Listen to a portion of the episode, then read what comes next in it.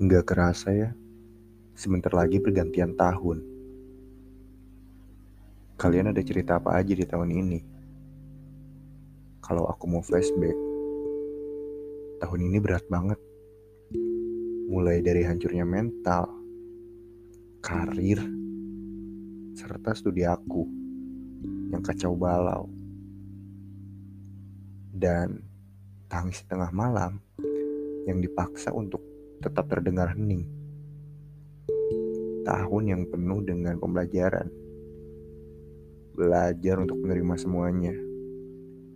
Belajar untuk lebih dewasa. Belajar untuk menyembuhkan diri sendiri.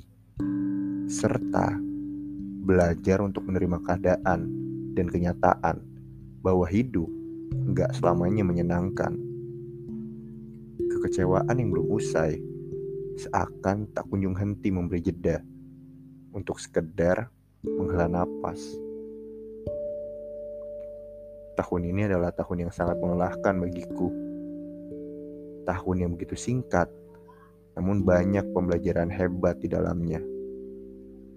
Berusaha untuk menguatkan diri, berharap datangnya kebahagiaan, serta berlalunya segala kesedihan, amarah, kekecewaan, dan kehancuran yang ada di tahun ini. Semoga tahun depan aku jadi lebih baik ya. Dan juga kalian. Tetap semangat.